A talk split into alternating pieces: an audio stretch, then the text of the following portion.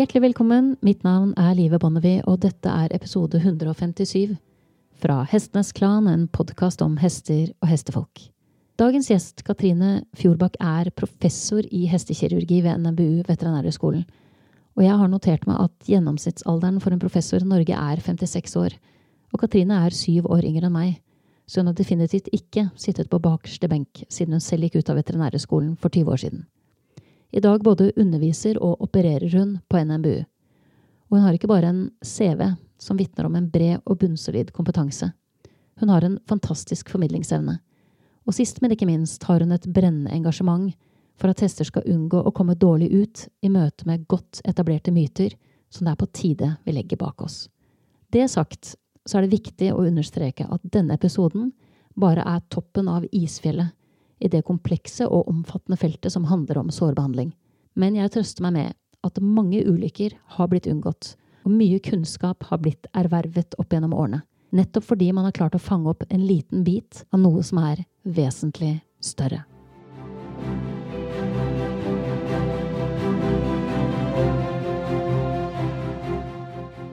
Katrine, vi er samlet her i dag for å snakke om uh, sårbehandling. Ja.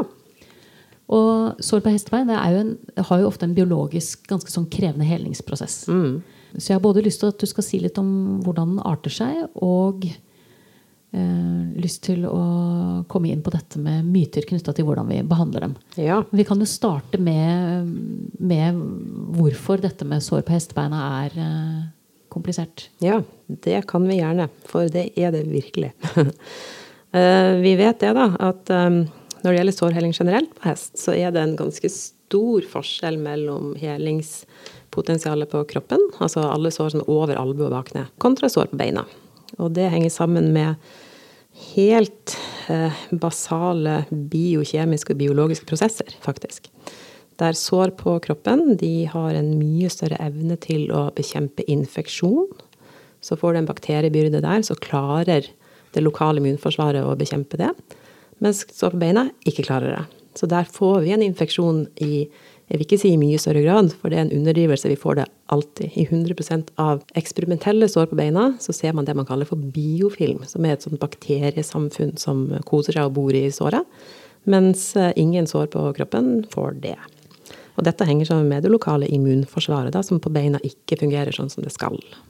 En svakhet fra naturens side denne gangen, eller? Eh, ja, det er jo også en eh, sannhet med modifikasjoner, da. For her er det forskjell på hest og ponnier.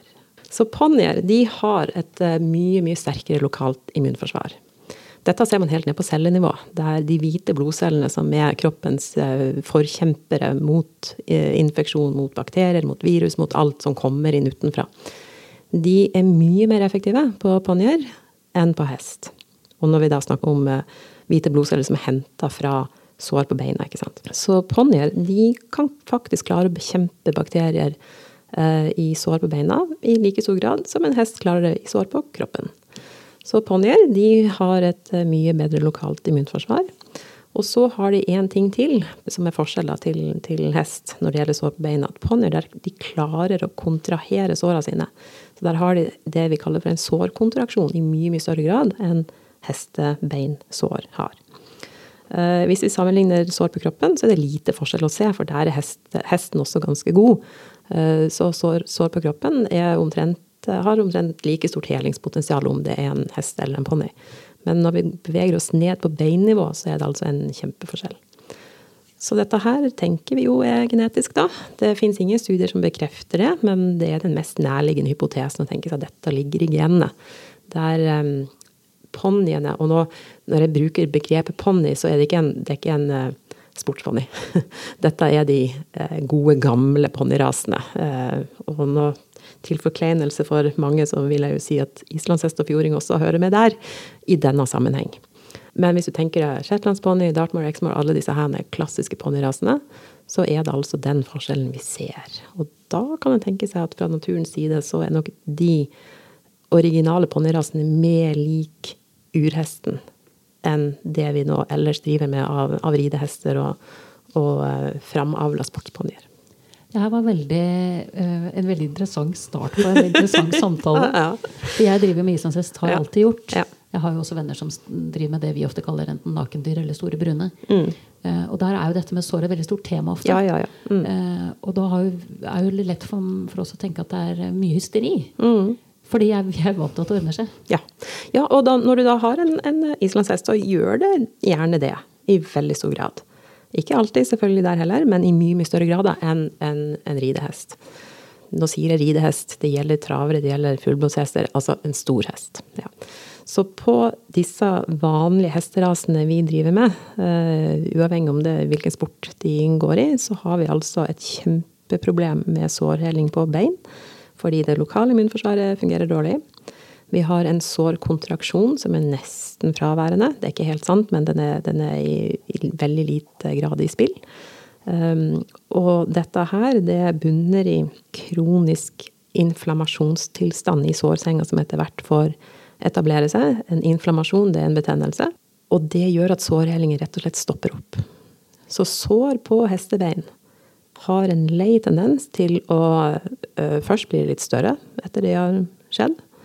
Så begynner de å bli bitte litt mindre, og så stopper de bare. Så skjer det ingenting. Og det kan gå uker og måneder uten at det skjer noe som helst. Bortsett fra at i den perioden så får vi da gjerne det vi kaller for overvekst av granulasjonsvev. Mange kaller det daukjøtt. Daukjøtt høres jo fælt ut, men, men det er det folk Det er det navnet folk bruker på det. Så daukjøttdannelse, altså overvekst av granulasjonsvev, kjempeproblem, kjempeutfordring, eh, og veldig, veldig vanlig i sår på hestebein. Er det da kroppens eh, hva skal jeg si, spede forsøk på å prøve å løse et problem den ikke helt klarer å løse? Ja, eh, den prøver egentlig ikke å løse det engang. fordi det som skjer da, det er at denne såringsprosessen den går i stå. I et normalt sår, si et sår på kroppen, da, så skal sårhulen først fylles ut av sårhelingsvev, altså dette granulasjonsvevet. Det er det første som må skje. Hvis du har et sår med vevstap, så må du fylle sårhulen med noe før huden da kan begynne å vokse innover. Så dette granulasjonsvevet, dette sårhelingsvevet, det skal vi ha, og det må vi ha. Eh, og det må være av riktig kvalitet, det må være friskt. Og der har vi en hel rekke, vi har en hel sånn kaskade med biokjemiske faktorer som sørger for at det her går riktig for seg i sår på kroppen. Um, når sårsenga er fylt ut av dette granulasjonsvevet, og nå snakker vi fortsatt om sår på kroppen, da stopper den granulasjonsvevstandelsen opp. Og da vil de fibroblastene, de bindevevcellene som er ansvarlig for den produksjonen av dette granulasjonsvevet, de vil rett og slett dø med det vi kaller for apoptose, som er sånn celleprogrammert selvdød. Og da, når fibroblastene dør, granulasjonsvevstandelsen er ferdig, den har stoppa opp, da kan hudcellene begynne å gjøre sin jobb, som er å gro inn fra kanten og vokse inn over denne rå sårplaten og dekke såret med ny arrhud. Da. I tillegg på kroppen så har vi en stor grad av det jeg har nevnt allerede et par ganger nå, som er sårkontraksjon. Der selve såret krympes i volum ved at uh, omkringliggende friskt vev, frisk hud, drar seg sammen mot sentrum av såret. ikke sant? Og på kroppen så har vi sårkontraksjon som, uh, hvis du måler det, så, så ser vi uh, opptil 60% av sårvolumet kan krympes ved den metoden der. Mens på beina så fungerer sårkontraksjonen i mye, mye mindre grad. Og da er vi nede på rundt 20% bare kontraksjon, mot 60 på kroppen. Så det som skjer i disse såra på beina når du får dette daukjøttet, denne overveksten av granulasjonsveven, det er det at disse cellene da, som produserer granulasjonsvev, fibroblastene, de får aldri det signalet om at nå er det nok. Nå skal vi stoppe, nå skal vi dø. Det signalet uteblir pga. denne kroniske betennelsestilstanden som er i dette såret, denne kroniske inflammasjonstilstanden. Så de bare fortsetter, de. De tror de skal fortsette eh, å produsere og produsere og produsere, og det er det de gjør. Og da får vi mer og mer og mer av dette granulasjonsvevet, og da får vi denne overveksten av dette daukjøttet. Den rent mekaniske effekten av overvekst og granulasjonsvev eller daukjøtt, det er at hud, nye hudceller, de kan aldri vokse i oppoverbakke.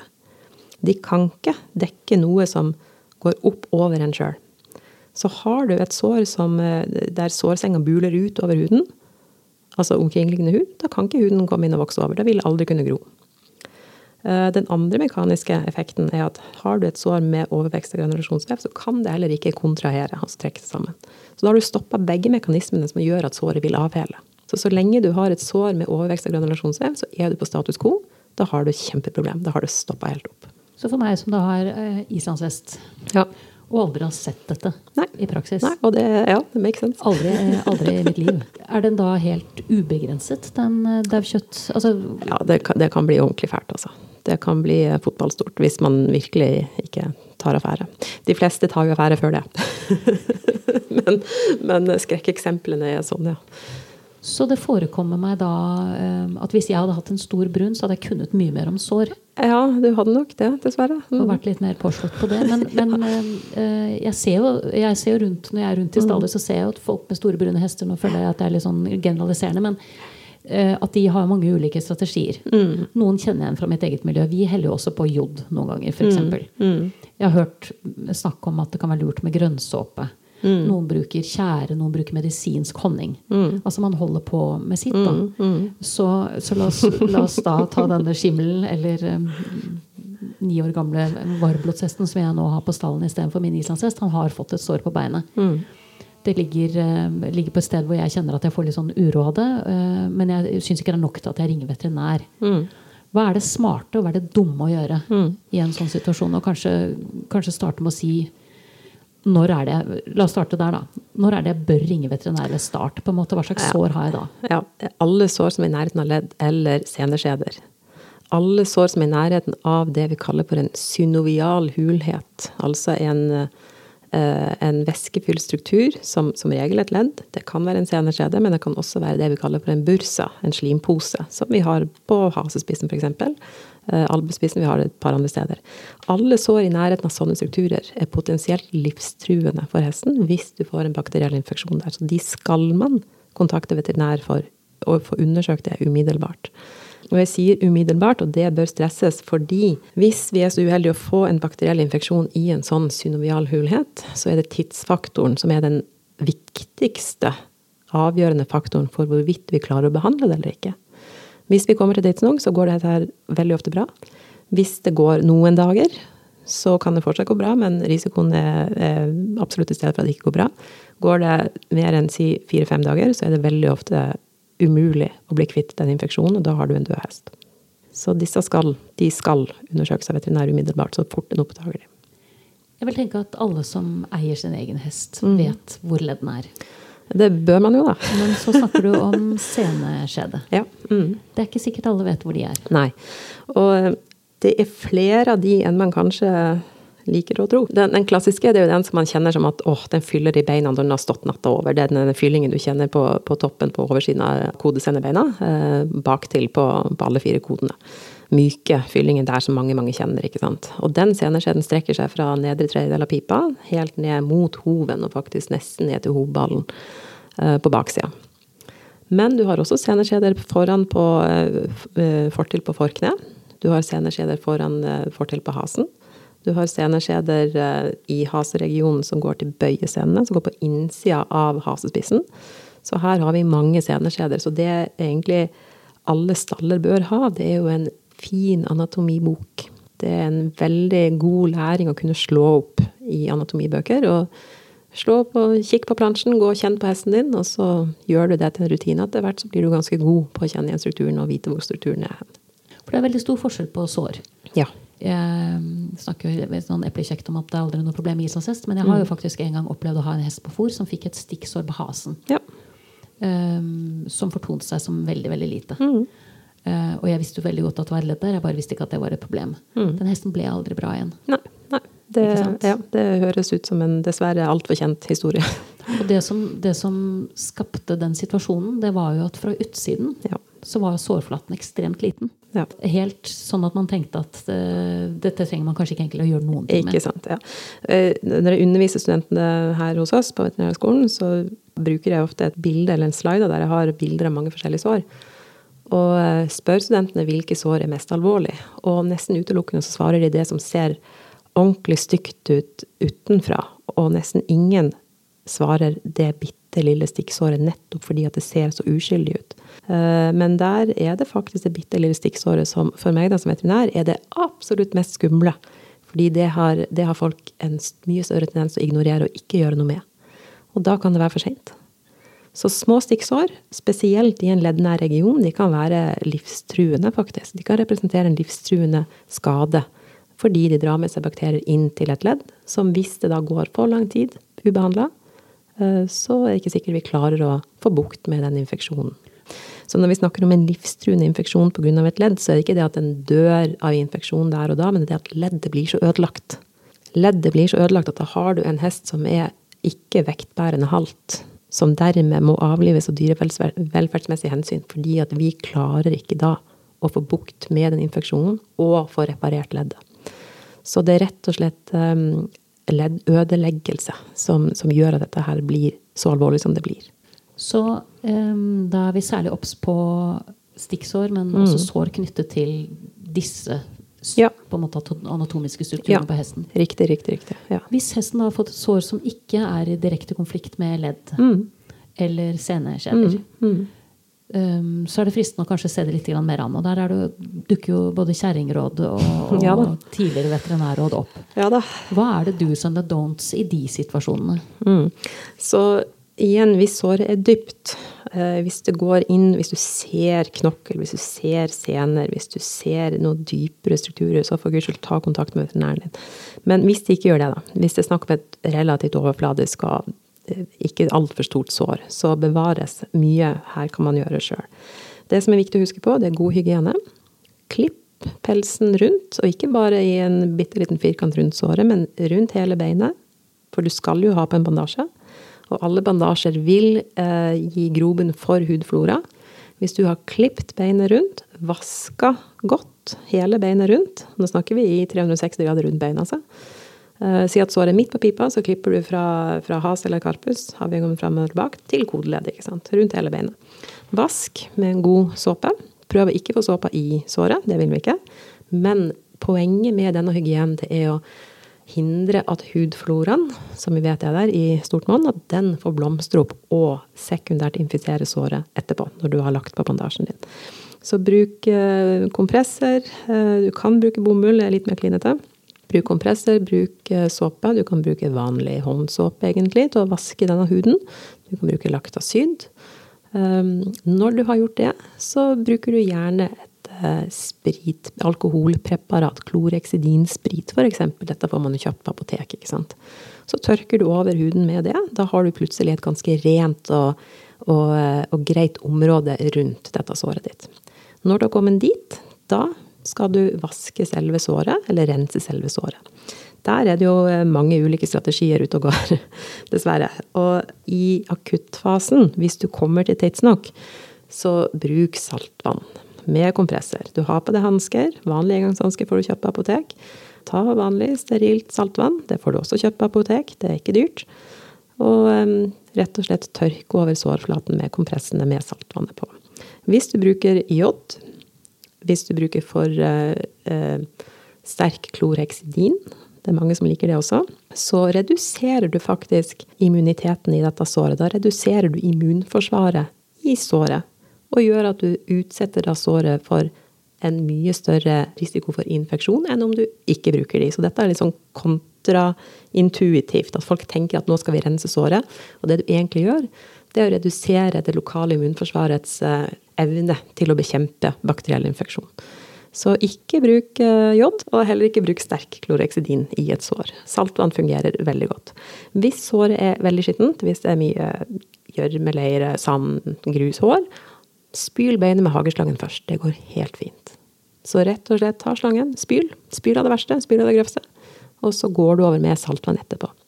Og grunnen til det, det er at vanlig vann det er det vi kaller for hypotont. Vanlig vann inneholder veldig lite salter. Eh, cellene våre, kroppen vår, har jo en viss saltmengde.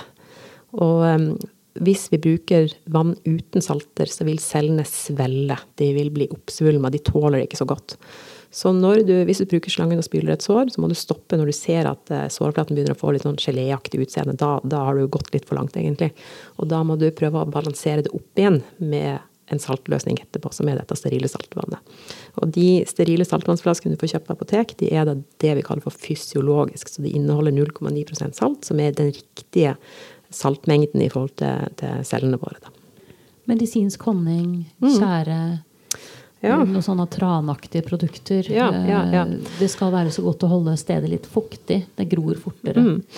Fuktig sårheling det er helt riktig, og det er et prinsipp som har vært kjent eh, ja, Paracelsus, som var en sveitsisk eh, alkymist og lege. Han var mye andre ting òg, men han var for- fortrinnsvis det. Han var vel den første som skrev det i, i litteraturen, at um, sårsekret var kroppens egen, eh, eh, egenproduserte helings, eh, helingsagens. Og det har han helt rett i. Så det har vært kjent i mange hundre år. Så fuktig sårheling er et prinsipp som vi absolutt skal eh, ta vare på. Men det betyr ikke at en skal holde såret fuktig med alle mulige remedier. Det betyr at vi skal ta vare på det sårsekretet som såret sjøl produserer. Eh, Det betyr ikke at du skal eh, kline såret inn med leire eller tjære eller eh, alle mulige slags remedier. De fleste stoffer vi ønsker å putte i et sår, de har ingenting der å gjøre. De aller, aller fleste stoffer har ingenting der å gjøre. En læreregel er at eh, du skal ikke putte noe i et sår som du ikke kan putte i ditt eget øye. Og da begrenser det seg ganske godt. Det er veldig god kjøring. Ja. Jeg føler at det er veldig mye som ryker ut. Ja, si sånn. ja. Jeg er jo sjøl oppvokst eh, i en tid der vi brukte mye Nelex, det som nå heter um, Lotagen. Eh, Jeg er sjøl oppvokst med det, og det skulle jo være et vidunderprodukt for sår. Hvis du leser hva det inneholder For det første så har det en pH som er så lav at, eh, at det etser jo hva som helst. Det har en pH på 0,2. For det andre så inneholder det formaldehyd, altså det vi bruker for å fiksere vevsprøver på, til laboratoriet. Eh, Og for det tredje så etser det jo helt uselektivt alt det kommer borti. Og likevel var dette her poppis å bruke i sår, da. I hvert fall i min hestejentekarriere på 80-90-tallet.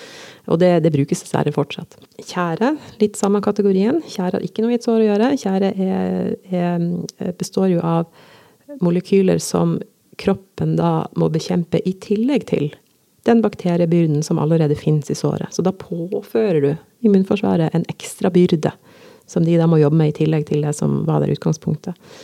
Av de tinga du nevnte nå Og nettopp, grønnsoppe. grønnsåpe er ekstremt basisk. Så det heller eh, vil ikke fremme et eh, sårhelingsmiljø, da, ikke sant. Så grønnsopp er heller ikke Det har jeg brukt mye sjøl òg på 80-tallet. men eh, mot bedre vitende, selvfølgelig. Men, eh, men det er heller ikke noe vi skal ha i et sår. Og igjen, hvis du tenker, hvis, hvis du hadde fått et sår, et litt stygt kjøttsår på leggen, hva ville du brukt på ditt eget sår? Du vil ikke stappa beinet i grønnsåpe, du vil ikke smurt det med tjære. Hvorfor skal det være så annerledes det vi gjør med hesten vår? Spesielt når vi vet at hesten da har så store utfordringer med denne såringen fra før. Da, da hjelper det ikke at vi påfører den alle mulige velmenende medier i tillegg, altså. Det gjør ikke det. Ja, for velmenende tror jeg er veldig sterkt Ja, ja, ja, ja. selvfølgelig. Altså, Altså, vi vet jo ikke hva godt vi kan Eller vondt Riktig. i dette tilfellet, da, Ja, men hva godt riktig, vi kan riktig, gjøre for en hest som har fått et sår. Riktig. Og um, det her er også noe jeg pleier å si til studentene mine, at um, grunnen til at det finnes så mange forskjellige strategier, da, for å bruke det ordet, for, uh, for sårbehandling som de gjør på hest, det er jo det at vi som mennesker, vi har en, vi har en ekstremt iboende egenskap med både illusorisk korrelasjon, altså vi, vi ønsker å se sammenhenger der det ikke fins sammenhenger. Um, vi har også en tendens til, til en sånn seleksjonsbias, der vi, vi bare støtter oss på de um, utsagna eller de eh, læresetningene som vi har hørt og tror på fra før, mens vi velger å ignorere nytt som kommer inn som vi egentlig ikke tror på. Vi, vi, vi, vil, ikke, vi vil ikke høre på det.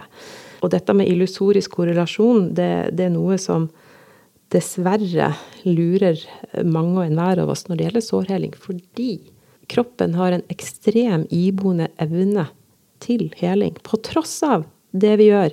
Ikke nødvendigvis av det vi gjør, men ofte på tross av det vi gjør.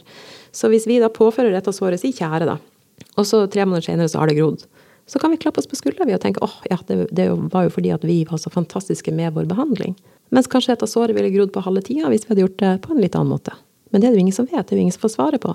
Bortsett fra hvis du begynner å lese i litteraturen og ser på sårforskning og evidensen der. Da vet du plutselig ganske mye mer. Men det er jo noe som eier ikke gjør, ikke sant? og eier har jo ikke en forutsetning for det, selvfølgelig. Så da gjør man det som man er blitt fortalt av hestekarer før deg, og det som er kulturen på den stallen. Og så gjør man det, og så vil disse såra hele på tross av det som skjer, og ikke nødvendigvis på grunn av det. Det er nesten sånn smertefullt å, å høre. ja. Vi må bare si det. Fordi, Ja fordi altså, Nå er det lenge siden sist hesten min hadde øh, noe sår, men altså Ja, vi, vi holder jo på uh, i Mm. Ja beste mening med Ja et eller annet som, vi, som du sier, som jeg har hørt uh, Ja. i en bisetning Ja. eller erfart uh, at eh, det grodde forrige gang. Mm, ikke sant. Biotex var også mye, mm, var mye brukt. Veldig populært en periode på 90-tallet, tror jeg. Biotex. Biotex, en blå Biotex. Den som man bruker til å bløtlegge tøy i. Ja, tøyvaskemiddel. Mm. Og, og man tenkte at det var en god idé. Ja.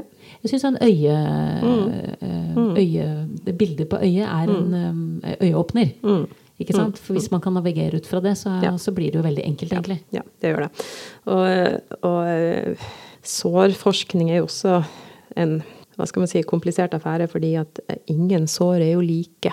Ikke sant? Så, så eh, det å forske på hva som er optimalt, da må vi ta til takke med eksperimentelle modeller av sår. Og de vil jo aldri kunne representere store, den store bredden i naturlig oppståtte sår, for der har vi alle mulige grader av vevstraumer, eh, kontamineringsgrad, hvilke vev som er skadd osv. Men disse eksperimentelle sårmodellene våre de, viser likevel da ganske godt eh, den skadelige effekten av sånn som vi har snakket om jod og, og forsterkloleksidin.